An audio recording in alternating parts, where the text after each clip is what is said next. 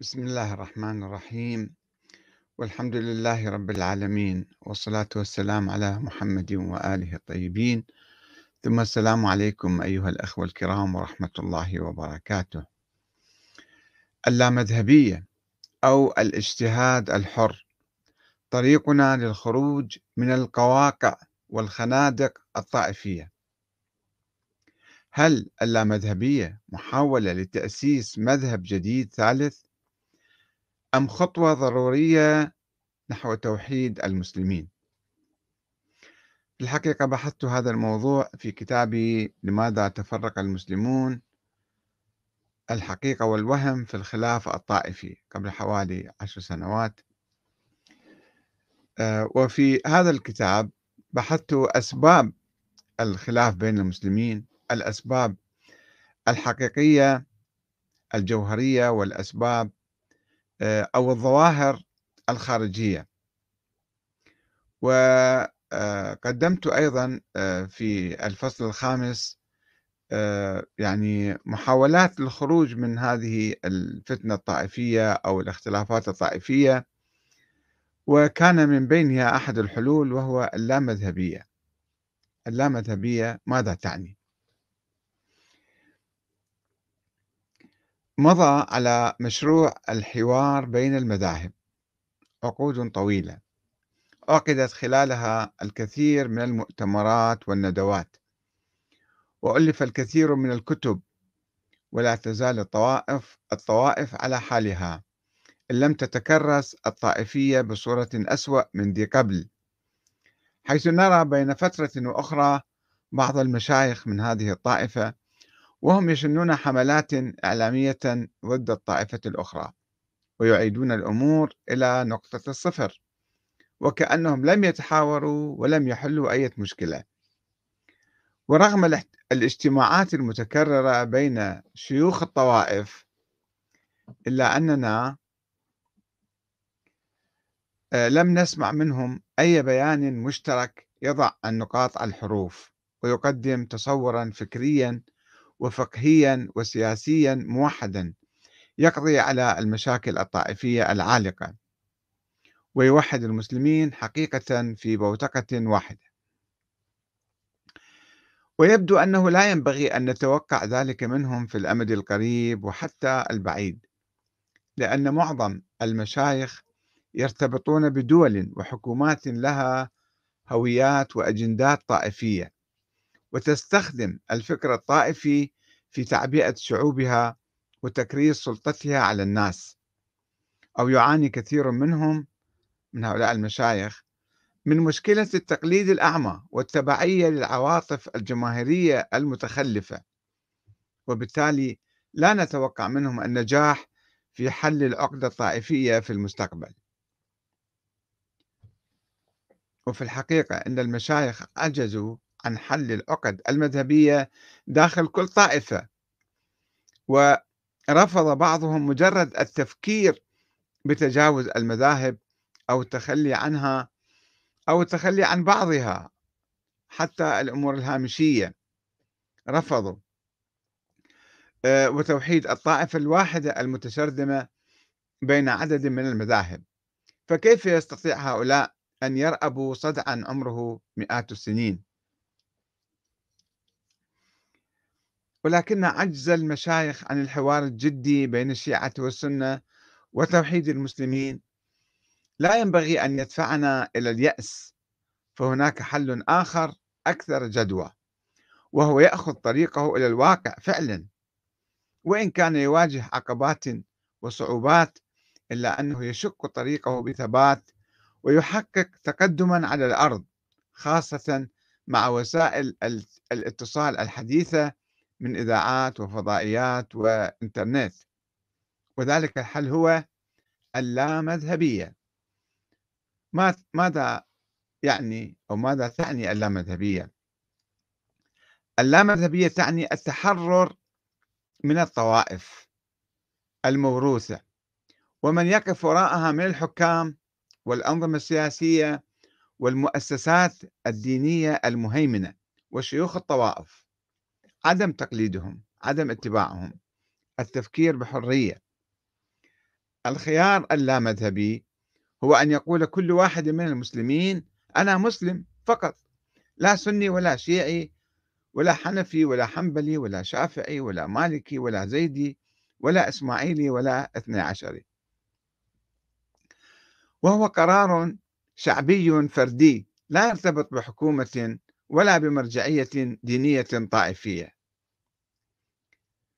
وهذا الخيار يقوم على حرية الاجتهاد والنظر والتفكير في أمور الخلافات الطائفية الفكرية والسياسية والفقهية والتاريخية الموروثة. بعيدا عن التعصب الأعمى والتقليد للآباء والمجتمعات والتبعية للدول الطائفية.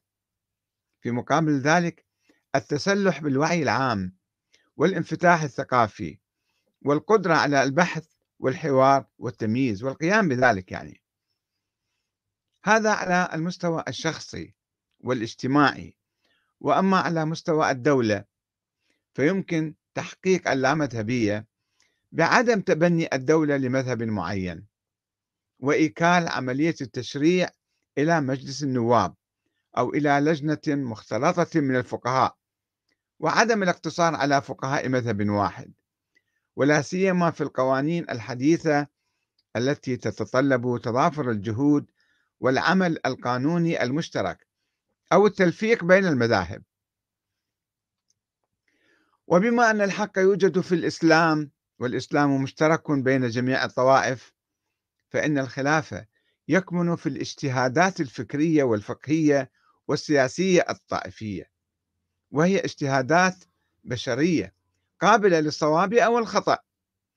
ومن هنا فلا توجد طائفة تمتلك الحق المطلق أو تكون على الباطل المطلق.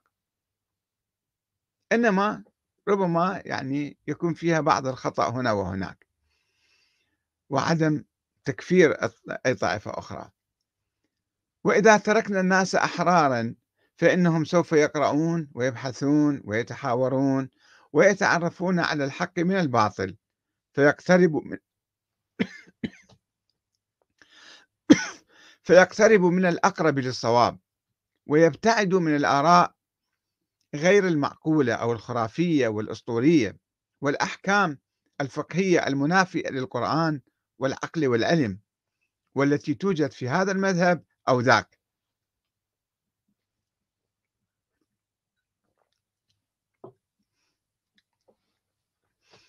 وإذا كان المثقفون غير المتخصصين بمباحث الخلاف الطائفي غير قادرين على الاجتهاد الكامل المطلق في أمور العقيدة والفكر والفقه فإنهم قادرون بالطبع على ممارسة الاجتهاد النسبي في قضايا الخلاف الرئيسية التي يتفق جميع المذاهب على حرمة التقليد فيها.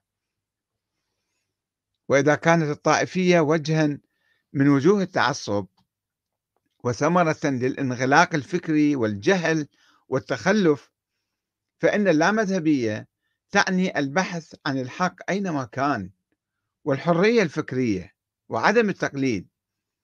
ولئن كان معظم الناس يعيشون في مستويات دنيا من الثقافة والعلم والقدرة على البحث والتمييز بين الحق والباطل فإن الإنسان المؤمن يمكنه التعرف على الحق من خلال الاستماع إلى المتحاورين المختلفين والتفكير بموضوعية وحياد فيما يقوله الطرفان. وكما يصف الله تعالى المؤمنين الذين يستمعون القول فيتبعون أحسنه. وعدم التعصب مسبقا يعني شفنا إحنا مع الأسف بعض المناظرات أو السجالات أو الحوارات التي تجري بين مثلا شخصين مختلفين في المذاهب أنه بعض الناس يعني مسبقا هم يتعصبون لشخص ضد شخص آخر لفكرة ضد فكرة أخرى.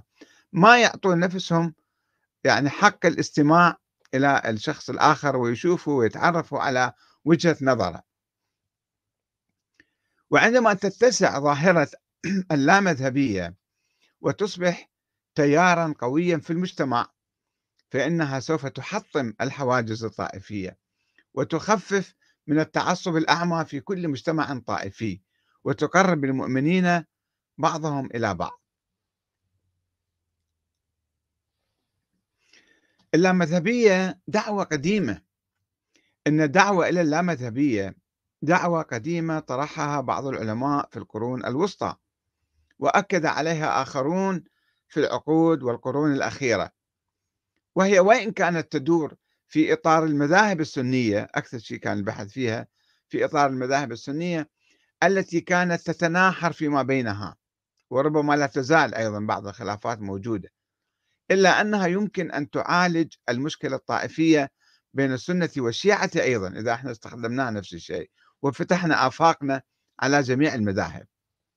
فقد انتقد فخر الدين الرازي مفسر القرآن الشهير في كتابه مفاتيح الغيب واللي توفى سنة 606 يعني كان عايش في القرن الخامس الهجري.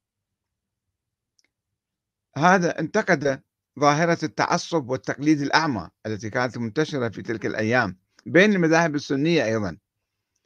وقال في تفسير قوله تعالى اتخذوا أحبارهم ورهبانهم أربابا من دون الله آه، في كتاب آه، في كتابه مفاتيح الغيب يقول إني شاهدت جماعة من مقلدة الفقهاء مقلدين قرأت عليهم آيات كثيرة من كتاب الله تعالى في بعض المسائل وكانت مذاهبهم بخلاف تلك الآيات فلم يقبلوا تلك الآيات ولم يلتفتوا إليها وبقوا ينتظرون إلي كالمتعجب. يعني كيف يمكن العمل بظاهر هذه الآيات مع أن الرواية عن سلفنا وردت على خلافها. الرواية وردت على خلاف القرآن فيأخذون بالروايات وبالفتاوى ويتركون القرآن. ولو تأملت حق التأمل وجدت هذا الداء ساريا في عروق الأكثرين من أهل الدنيا. يسميهم ذولا من أهل الدنيا المتعصبين ما يبحثون عن الحق. فهؤلاء من أهل الدنيا يعني. عندهم مصالح ناشئين في بيئة معينة في جو معين ويدافعون عن ذلك الجو وعن تلك المصالح. وربما كان الشيخ عبد الحليم ابن تيمية واحدا ممن مارسوا الاجتهاد الحر في بعض فتاويه وخاصة حول مسألة الطلاق بالثلاث التي أخذ فيها برأي الشيعة وخالف فيها إجماع المذاهب الأربعة مما أدى إلى سجنه في دمشق ومنعه من الإفتاء حتى الوفاة. وهناك علماء كثيرون يعني ابن حزم وغيره وغيره. أنا أختصر الآن. ويعد الشوكاني المتوفى عام 1250 للهجرة. أنا حوالي 200 سنة قبل. يعد من أبرز الفقهاء المتأخرين الذين دعوا إلى فرض الاجتهاد وذم التقليد ونبذه. وألف رسالة في ذلك أسماها القول المفيد في أدلة الاجتهاد والتقليد. وتبعه في ذلك الشيخ محمد رشيد رضا في مصر الذي رفع في في تفسير المنار لواء التحرر من التقليد للمذاهب. وأصدر أستاذ الأدب والفكر الإسلامي في جامعة عين شمس الدكتور مصطفى محمد الشكعة في عام 1960 كتابا تحت عنوان إسلام بلا مذاهب. وقدم له شيخ الجامع الأزهر يوم ذاك الشيخ محمود شلتوت قائلا إنه محاولة من تلكم المحاولات التي اطلع بها المصلحون أخيرا للم الشعث وتأليف القلوب وتوحيد الصف وأضاف أن السبيل إلى إعادة الصف الإسلامي إلى وحدته أن لا يتخذ بعضنا بعضا أربابا من دون الله وأن نطرح وراءنا وراء ظهورنا تلكم التأويلات البعيدة للنصوص الشرعية من كتاب الله والسنة الصحيحة وأن نفهمها كما فهمها المعاصرون للتنزيل وأن نحارب احتكار فرد أو أفراد تعاليم الدين فما كان الإسلام دين أسرار وأحاجي لا يعرفها إلا طائفة خاصة تطلع عليها تطلع عليها من تشاء وتمنعها عمن تشاء. كما يقولون أن المجتهدون المراجع هم يفهمون الدين إحنا ما نفهم. وحسب ما يقول الشيخ محمد أبو زهرة فإن القانون المصري أخذ منذ 1930 أخذ نظام الأسرة من المذاهب المختلفة فأخذ من الإمامية والحنابلة وتحلل من التقيد بمذهب أبي حنيفة. ففي الطلاق المعلق أخذ بمذهب الشيعة الإمامية وبأن الطلاق الثلاث لا يقع إلا طلقة واحدة. وفي القانون رقم 77 لسنة 1600 أو 1943 وهو قانون الميراث. أخذ بمذهب الإمامية في جعل الميراث مولى العتاقة أو كما سماه الإمامية مولى النعمة إذا لم يكن له وارث بالنسب أو السبع.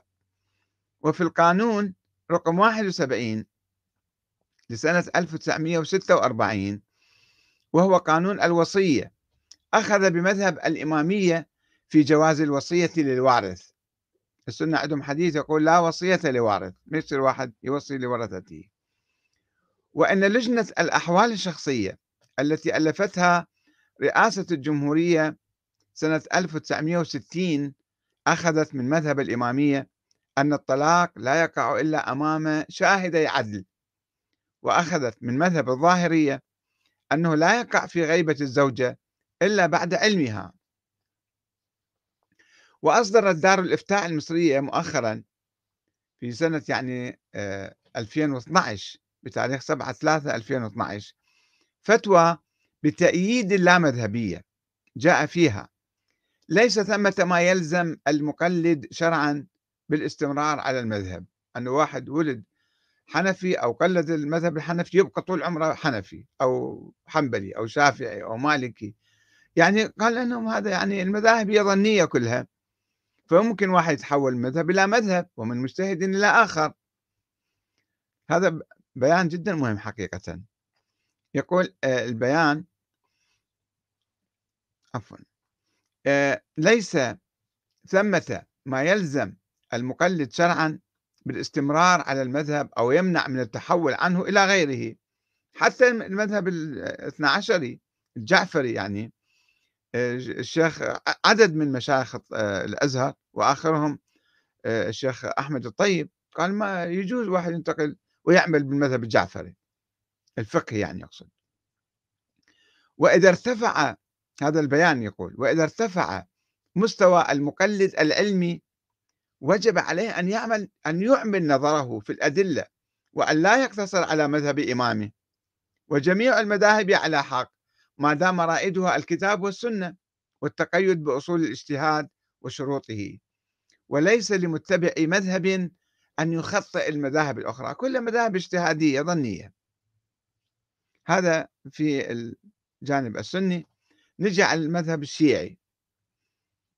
المذهب الشيعي بالحقيقة آه، في شوية انغلاق أكثر. ولكن أيضا قد نجد بعض الآراء في هذا المجال.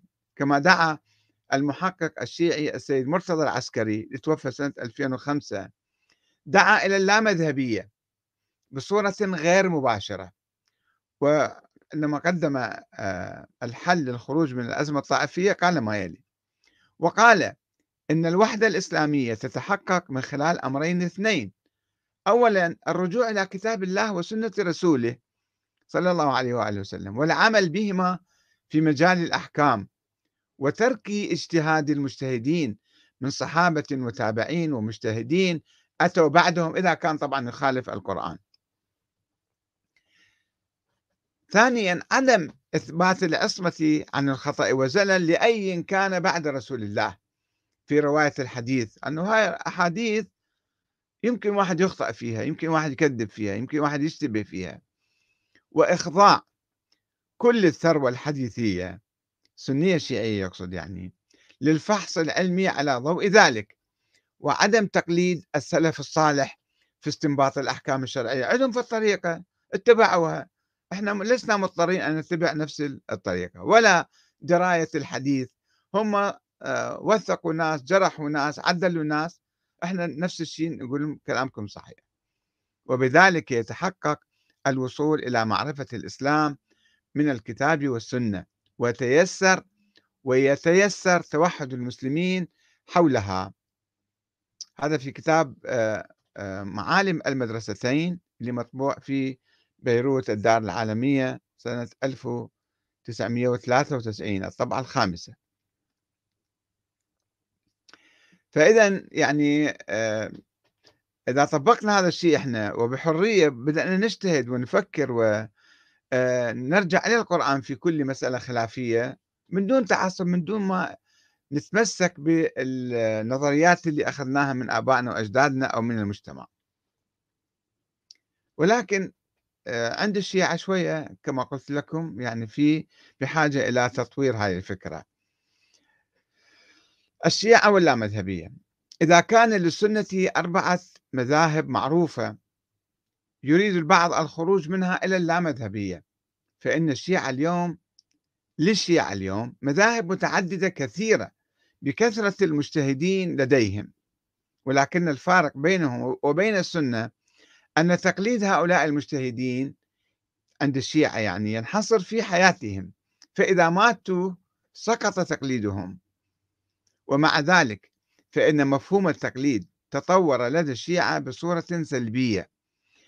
ابتدأ من مراجعة الرواة أو الفقهاء فيما يسمى بعصر الغيبة وسؤالهم عن المسائل الفقهية الحادثة بناء على حديث مروي عن الإمام المهدي الغائب أنهم آه، وأما الحوادث الواقعة فارجعوا فيها إلى رواة حديثنا. هذه يعني مراجعة الرواة مراجعة الفقهاء مسألة بسيطة وعادية ومعقولة يعني. تطور آه، هذا هذا الموقف إلى موقف أكثر سلبية يعني إلى الالتزام بفقيه واحد مدى الحياة واحد يسموه نقلده يعني ننوي إن تقليد فلان ناخذ الكتاب ماله حتى يعرفون كيفية واحد يقلد لازم ينوي. يعمل بهذا أو يبدأ العمل برسالته العملية فيسموه قلدة. بعد ما يجوز له ينتقل واحد آخر.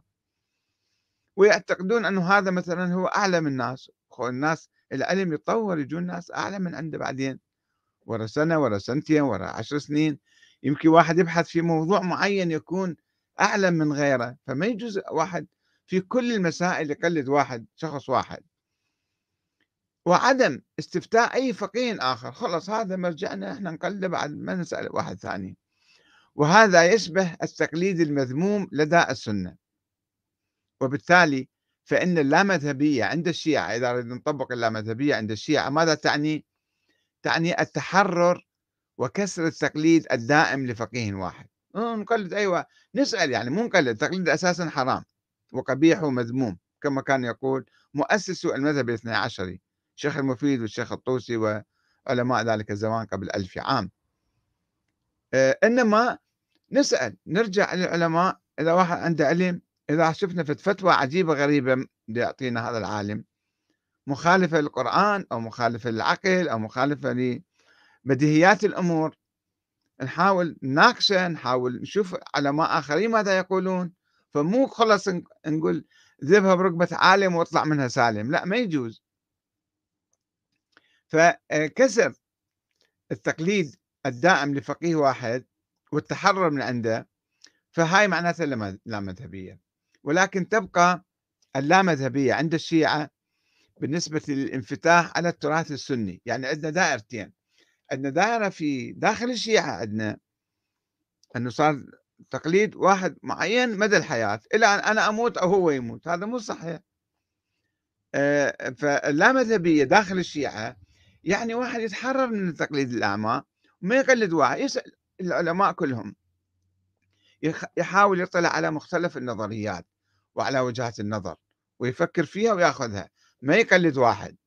وأيضا الدائرة الثانية اللي بين الشيعة وبين السنة. ولكن تبقى اللامذهبية عند الشيعة بالنسبة للانفتاح على التراث السني في بعض المسائل يعني عند السنة مثلا. أصعب منها عند السنة بالنسبة للتراث الشيعي وذلك لأن الشيعة يعتقدون أن الحق ينحصر في طريق أهل البيت والروايات الواردة عن أهل البيت فكل شيء ورد عنهم هو الصحيح وما ورد عن الآخرين هذا مو صحيح أو خاطئ ولا يعترفون به ويشككون في تراث أهل السنة على العكس من أهل السنة الذين قد يقبلون بالتراث الشيعي كرافد من الروافد الحديثية والفقهية المشابهة للمذاهب الأربعة الأخرى. وإذا استطاع الشيعة كسر حاجز احتكار أهل البيت للصراط المستقيم. أنهم صراط والأخير الآخرين أيضا علماء أتقياء ورعين وما في إشكال يعني ناخذ من عندهم. نحقق ما نقلدهم تقليد أعمى ولكن في مسألة معينة قد يكون في فكرة معينة. ولا سيما في موضوع الإمامة الإلهية. والولاية الدينية لأهل البيت أنه هناك ولاية لأهل البيت الإمام باقر والصادق بالذات قولهم حجة أو لا قولهم ليس بحجة يجوز الاجتهاد لو ما يجوز الاجتهاد وهكذا في مسائل عديدة. فإن نظرتهم إلى بقية المذاهب السنية إلى الشيعة كسروا هذا الحاجز بالحقيقة وقالوا أن كلهم علماء ونشوف نشوف آرائهم نشوف أفكارهم نشوف نظرياتهم ونسألهم عن هاي النظرية صحيحة أو غير صحيحة. إذا قمنا بذلك فإن نظرتهم إلى بقية المذاهب السنية سوف تعتدل ويصبح بإمكانهم توسيع إطار اللامذهبية من التحرر من المجتهدين والفقهاء الشيعة إلى إطار الفقهاء من أهل السنة. وفي الحقيقة لن تبقى حينها أي مشكلة رئيسية بين السنة والشيعة. حيث يغدو التشيع مذهبا من المذاهب الإسلامية. يحترمها ويسمح بالأخذ منها. بالطبع ستكون الشورى على رأس المسائل التي يأخذها الشيعة من السنة وقد فعلوا. يعني الشيعة الآن عملا هم يعملون باللامذهبية يعني إقامة الدولة في عصر الغيبة الشيعة الإمامية كانوا يقولون لا يجوز ألف سنة يقولون لا يجوز إلى وقت قريب جدا. قبل خمسين سنة. عندما جاء الإمام الخميني وطرح نظرية ولاية الفقيه وهذه أيضا نظرية ولاية الفقيه قال بها الإمام الجويني في القرن الخامس الهجري قال إذا ما عندنا إمام فنشوف الواحد عالم فقيه وعادل ونتبعه ونسويه إمام علينا. فالشيعة انفتحوا عمليا كثير من الشيعة وفي هذه المسألة بالذات المسألة الرئيسية المهمة اللي كانت مورد خلاف بين الشيعة والسنة موضوع الحكم والخلافة والإمامة. الشيعة تخلوا تخلوا عن شرط الأسمة والنصف الإمام وأن يكون من سلالة معينة. لا قالوا يمكن أي واحد يصير رئيس جمهورية أو رئيس وزراء ويصبح إماما علينا. وبالتالي اتفقوا الشيعة والسنة على الأخذ بالشورى نظام الشورى يعني نظام الانتخابات يعني نظام الديمقراطي. فالشيعة منفتحون وانفتحوا. يمكن بعض القوى الشيعية لا تزال مصرة على بعض الأفكار. الزيدية ممكن الزيدية أيضا تطوروا إلى الأخذ بالنظام الديمقراطي وقعوا على الدستور اللي سووه بالتسعينات واتفقوا. وهناك يمكن بعض الزيدية لا يزال يعتقد بأن الحكم والإمامة يعني محصورة في البيت الهاشمي. وهؤلاء قلة في في اليمن وقلة عند الزيدية وأعتقد عموم الزيدية يؤمنون بأن بالديمقراطية والانتخابات و يبقوا الإسماعيلية مثلا شوية منغلقين على أنفسهم وعندهم أئمة مستمرين عليهم ويتوارثون الإمامة. ولو هم يعني يعتقدون الإمامة الآن أصبحت إمامة روحية فقط وليست إمامة سياسية يؤمنون بالنظام الديمقراطي أيضا. يعني بحاجة إلى سواء كان واحد من عندنا سني ولا شيعي زيدي ولا إسماعيلي ولا اثنا عشري ولا سلفي أيضا المشايخ السلفية عندهم فتاوى بطاعة آه، الحاكم الظالم الفاسق والخضوع له مهما فعل مهما ضرب جلدك وضرب ظهرك وأخذ مالك هذه أحاديث غير معقولة وغير صحيحة. حتى لو واحد كان سلفي مثلا يريد أن يكون لا مذهبيا ويعود إلى القرآن يجد أن هذه الأحاديث متناقضة مع القرآن وبالتالي لا يصح الأخذ بها. فلا نتعصب لأننا ولدنا مثلا في مذهب معين نتعصب لكل ما يوجد في هذا المذهب من فتاوى ومن نظريات ومن آه، أحكام فقهية. لا نحاول نشوف هذا المذهب الشيعي ماذا يقول؟ المذهب السني ماذا يقول؟ المذهب فلان ماذا الإباضي ماذا يقول؟ وناخذ النظرية اللي نشوفها أقرب إلى القرآن والعقل والمصالح العامة. هذا خلاصة لما نشرته في كتابي هذا. لماذا تفرق المسلمون؟ الحقيقة والوهم في الخلاف الطائفي. الآن نشوف بعض الأخوة كانوا معلقين.